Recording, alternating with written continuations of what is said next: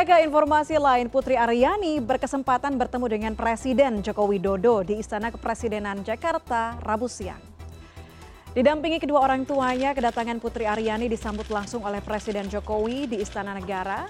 Dalam kesempatan itu, Putri memberikan Golden Buzzer America's Got Talent 2023 sebagai persembahan untuk Presiden Jokowi. Jokowi pun membalas hal itu dengan memberikan uang saku sebagai bekal untuk Putri mengikuti kompetisi America's Got Talent 2023 babak semifinal mendatang. Alhamdulillah sanggup ke Amerika.